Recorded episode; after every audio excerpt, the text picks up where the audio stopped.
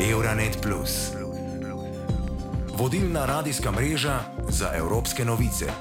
Nekdo, ki je zaposlen, lahko na svojem delovnem mestu na različne načine prispeva k trajnostnemu razvoju, ohranjanju narave in okolja.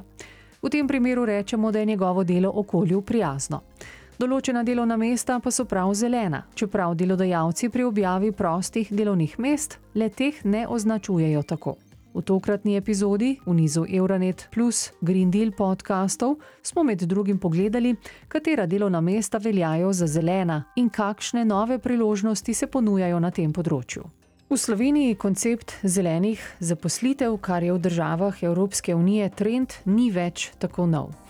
Prve premike v smer trajnostnega razvoja lahko zasledimo med letoma 2005 in 2010. Iris Lojevec, svetovalka v službi za zaposlovanje na Zavodu za zaposlovanje, uvodoma pojasni, da niti v Sloveniji, niti med državami članicami še ni oblikovane definicije o tem, kaj pravzaprav pomeni pojem zelenih delovnih mest. Lahko pa razumemo, da gre za delovna mesta, ki prispevajo k izpolnitvi ciljev trajnostnega razvoja, podnebnih sprememb in krožnega gospodarstva. Šele v zadnjem letu izvajanja programov pa dejansko vodimo nekaj informacij o vrstah zaposlovanja in usposabljanja, v katere se vključajo brezposelne osebe in delodajalce pri tem celo spodbujamo. Namreč pri nekaterih programih subvencioniranega zaposlovanja delodajalce motiviramo, da v svoje kadre vlagajo tudi na način, da jih vključujejo v interna ali zunanja usposabljanja. Vrsta teh izobraževanj pa ni nujno vezana samo na zelena delovna mesta. Po besedah sogovornice na Zavodu za zaposlovanje ponudb delodajalcev, ki bi se izredno nanašale na zelena delovna mesta, ne spremljajo oziroma niso za to pristojni.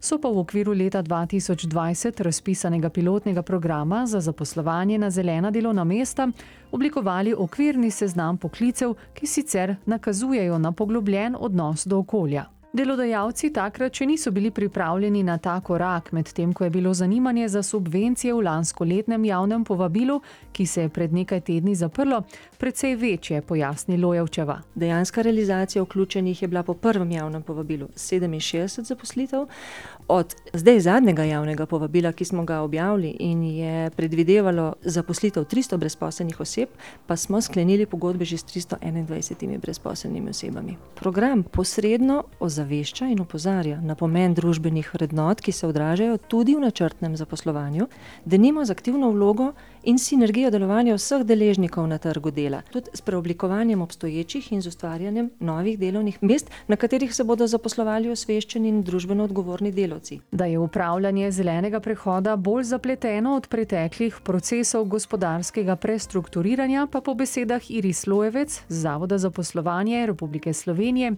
opozarja tudi mreža Evropskih zavodov za zaposlovanje. Pred mikrofon smo povabili tudi direktorico Slovenske fundacije za trajnostni razvoj Umanotera, Gajo Brecel, ki je povdarila, da je potrebno na pojem zelenih delovnih mest gledati široko, z večjih zornih kotov. Kar se tiče definicije, če povzamemo neko skupno rdečo nit, govori o tem, da so zelena delovna mesta so dostojna delovna mesta v zelenem gospodarstvu in sicer da zmanjšujejo vpliv na okolje in zmanjšujejo izčrpavanje naravnih virov. To, kar je tudi osnovni koncept trajnostnega razvoja, hkrati govorimo o socialni pravičnosti in tudi okoljski vzdržnosti. Ne delamo ukrepov, kjer z eno lopato, kaj pa jaz vem, zakopljemo luknjo, z drugo jo pa hkrati odkopljemo. Po besedah Brecljeve so zelena delovna mesta na prvo žogo delovna mesta v ekološkem kmetijstvu, v gozdno-lesni industriji, novi poklici, ki so se začeli pojavljati v zadnjih desetih letih, kot so svetovalci za varstvo okolja, inštalaterji sončnih oziroma veternih elektrarn, okoljski pravniki, učitelji in drugi. Zelo raznoliki so, ne, ne moramo jih izreducirati na en mehen krok, ampak ravno to govori o tem, da je pravzaprav podnebno neutralna družba, trajnostni razvoj, okoljska vzdržnost, to horizontalna tematika. Se pravi, da se mora v vse pore umestiti. Ena delovna mesta so sama po sebi zelena delovna mesta, potem imamo pa en kup delovnih mest, ki jih lahko ozelenimo. Niso pa prvenstveno, recimo kot ekološki kmet, ki je prvenstveno, a ne zeleno delovno mesto. Nekatera so pa pač taka, ki nikoli ne bodo mogla biti zelena, no naprimer delo v termoelektrarni. Ne? Tako kot številne druge okoljevarstvene organizacije, ki stremijo tudi k uveljavljanju trajnostnega razvoja v nacionalnih politikah, Tudi pri Umanoteri poudarjajo koncept pravičnega zelenega prehoda, vključno do zaposlenih oziroma do delavcev, pojasnjuje Gaja Brecel. Vemo, da bodo ena delovna mesta se mogla zapreti, kot taki sem ga menila, naprimer eh, termoelektrarni v premogovniku, ampak o tem moramo razmišljati danes ali pa včeraj, da ustrezno naprej to nagovorimo, jih prestrukturiramo, naredimo načrt, ne, kaj bo z njimi. In po drugi strani, da ne bodo glavna bremena padala na delavce, pač pa da se bo ustrezno glede na moč v družbi porazdelil pač ta odgovornost. Splošen interes podjetij v Sloveniji na organizacijski ravni za celovitejšo strateško preobrazbo v trajnostni razvoj naj bi se z leti zelo povečal, pojasnjuje Brecljeva iz Umanotere, a kljub temu opozarja, da bo potrebno delati velike korake. Tukaj eh, imajo veliko vlogo tudi recimo država, s tem, kam usmerja gospodarstvo, na kakšen način razpise subvencije nameni na način, da bojo spodbujala v trajnostno preobrazbo. Mi delamo veliko na konceptu zelene pisarne, to pomeni ozelenjevanje pisarniškega dela vsake organizacije, podjetja in tako dalje. In tukaj se vidi, kako je ključna zavezanost vodstva, da gre resno in iskreno v to, kako se oskrbujejo z energijo, na kakšen način ravnajo s toplotno energijo in električno energijo. Eh, mobilnost, promet je seveda velik faktor v Sloveniji, hrana, potrošnja, infrastruktura. V sklopu pred leti upravljene analize glede potencijalov za zelena delovna mesta v Sloveniji so pri Umanoteri izpostavili naslednja področja ekološko kmetijstvo, učinkovita raba naravnih virov, gozdno-lesna veriga, proizvodna energije iz obnovljivih virov, povečanje energetske učinkovitosti in pa trajnostni turizem. Tukaj smo pogledali, koliko je potencial za nova zelena delovna mesta in tudi za ozelenjena delovna mesta. In smo prišli do številke, da je teh kar 250 tisoč. Velika večina jih je seveda lahko iz naslova trajnostnega turizma, kjer nikjer ne, ni rečeno, da ne bi mogli ozeleniti celotnega turističnega sektorja.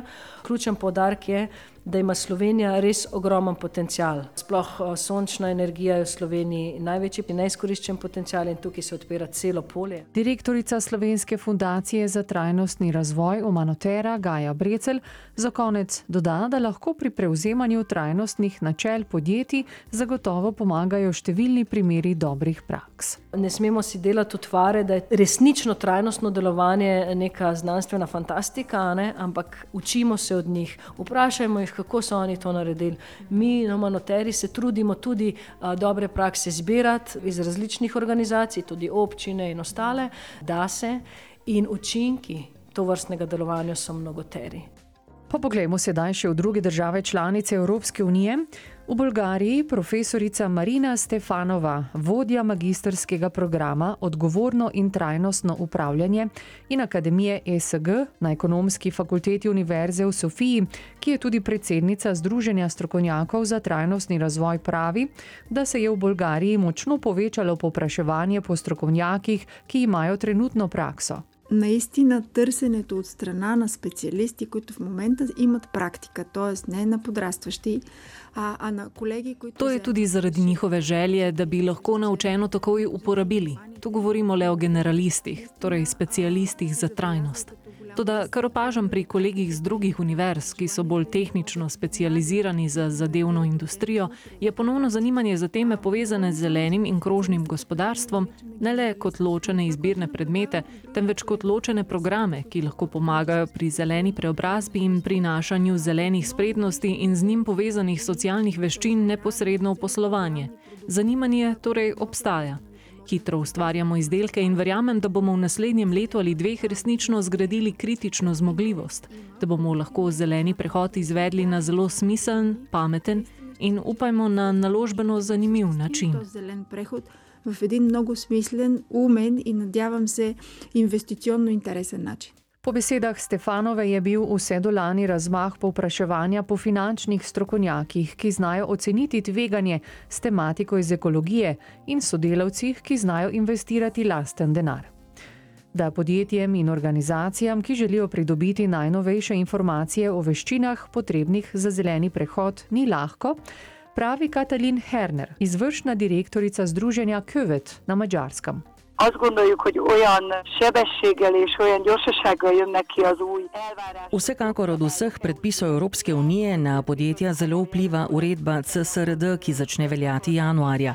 Predvsem gre za velika podjetja in podjetja, ki kotirajo na borzi, a takrat bodo posledice prej ali slej občutila vsa podjetja. Tukaj govorimo o potrebi, da podjetja objavijo metrike, kazalnike samoporočanja, ki so zanesljivi, merljivi in zvesto odražajo trajnostno uspešnost podjetja.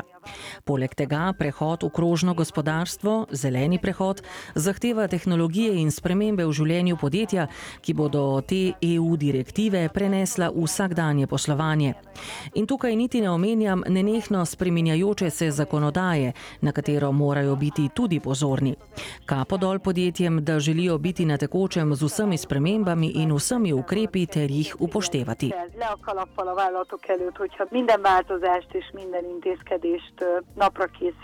Figyelni akarnak, és meg akarnak ezeknek felelni. Hernerjeva še doda, da na mačarskem zahteve zelenega prehoda še vedno bolj vplivajo na velika podjetja in manj na manjša, vendar morajo biti tudi slednja pripravljena na to. Mačarska pravi je dom številnih manjših podjetij, ki proizvajajo in razvijajo inovativne tehnologije in je vodilna v svetu na tem področju. Alfredo Greco je vodja tehničnega oddelka Open Job Metisa, italijanske agencije za zaposlovanje, ki je dejavna tudi na področju usposabljanja osebja. Njihov oddelek Tehne je bil ustanovljen za reševanje povpraševanja po tehničnih strokovnjakih v strateških sektorjih italijanske industrije, zlasti v energetskem sektorju. Greko je za italijanski radio 24 na vprašanje, kakšnih so novi poklici, ki so se pojavili po začetku energetske tranzicije in katere so njihove glavne značilnosti, odgovoril takole. I settori nei quali sono impegnati i nostri clienti, di riflesso anche le figure professionali. Področja, na katerih delujejo naši naročniki in posledično strokovnjaki, ki jih iščemo, so na eni strani povezana z zmanjševanjem izpustov toplogrednih plinov, na drugi strani pa z oskrbo s trajnostno energijo. Srečujemo se s strokovnjaki nove vrste, ki morajo biti sposobni mešati tehnične veščine z normativnim znanjem. V mislih imam na primer strokovnjake za energetsko politiko in trajnost, ki so profili, ki jih zahtevajo od nas. Največkrat so to tehniki z izobrazbo s tem, ki so pokazali poznavanje normative ali vsaj pripravljenost, da se ji približajo. V drugih primerih nas prosijo za tradicionalne profile poklicev, ki se morajo soočiti z aktualnimi težavami drugače, z novimi veščinami. To velja za inženirje elektrotehnike, ki morajo oblikovati nove sisteme ob upoštevanju novih virov energije. Adesso lo deve fare facendo riferimento a nuove fonti energetiche. Na portugalskem Pedro Ramos, predsednik portugalskega združenja za upravljanje z ljudmi, pove. Até Združeni narodi pravijo, da bo do leta 2030 ustvarjenih 18 milijonov novih delovnih mest povezanih s temi zelenimi delovnimi mesti. Seveda bo lahko tega tudi manj ali celo več, to ni bistvo. Bistvo je, da dejansko jezdimo ta val novih skrbi, ki posledično prinaša nove odnose, tipa nove poklice in nove načine bivanja znotraj organizacij. Mislim, da je to pravzaprav veliko gibanje, ki ga doživljamo danes. Tudi Greta Grode, vodja oddelka za upravljanje pri visokošolskem zavodu Vilnius kolegija v Litvi, pritrjuje, da naj bi potreba po strokovnjakih za procese vodenja zelenih delovnih mest rasla. Tas augimas yra labai ženklus. Ta rast je zelo pomembna, zlasti v vodstvenih specializacijah. Obstaja resnična potreba po njih in na LinkedInu, omrežju za iskanje zaposlitve, lahko vidite tudi, da je prišlo do zelo velike spremembe v številu ljudi, ki iščejo te posebnosti. In tudi kar se tiče prihodnjih novih veščin, obstaja seznam desetih najboljših in od tega so celo tri povezane s trajnostjo. To tudi kaže, da bo moralo zelo veliko ljudi delati na celotnem upravljanju trajnosti.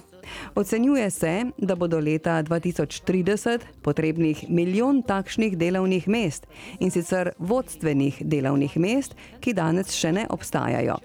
Kar zadeva ljudi, ki bodo delali na trajnosti, ki vključuje tehnologije za zmanjševanje emisij, operativna učinkovitost ali čisto energijo, pa ocenjujejo, da bomo potrebovali kar 30 milijonov več teh delovnih mest za zaposlitev in to samo do leta 2030. Tai yra tik iki 2030. Grode ob tem doda, da bodo glavne veščine, potrebne za strokovnjake, ki se ukvarjajo s trajnostnim razvojem, sposobnost sodelovanja, analitične sposobnosti in vodenje projektov. Euronet Plus za boljše razumevanje Evrope.